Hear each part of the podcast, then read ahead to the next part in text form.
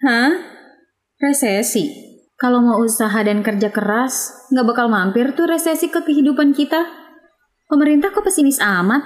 Tetangga aja yakin kalau tahun depan nggak bakal terjadi resesi, tapi resepsi.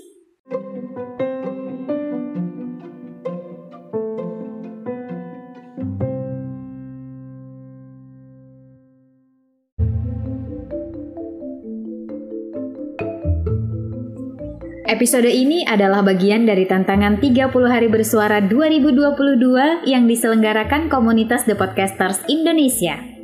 Resesi, resesi, resepsi. Tiga kata yang memiliki arti berbeda tapi saling keterkaitan. Resesi. Gaya banget bilang resesi. Padahal yang terjadi resepsi. Bisa nggak sih pemerintah tuh menenangkan rakyatnya Gak ngerasa apa kalau kita itu udah cukup susah hidupnya. Mulai dari usaha gulung tikar, sejak pandemi 2 tahun lalu, banyak yang stres karena kena covid. Karyawan banyak yang di PHK karena perusahaan gak sanggup gaji. Lulusan sarjana, banyak yang nganggur.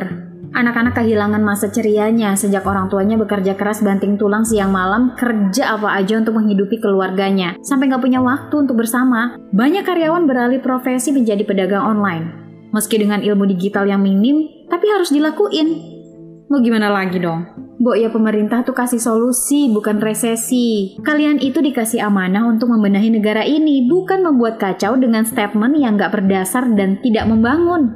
Asli, kalau dengar kata resesi keselnya minta ampun. Tapi bisa jadi pemacu juga sih untuk cari cara gimana prediksi itu gak jadi kenyataan.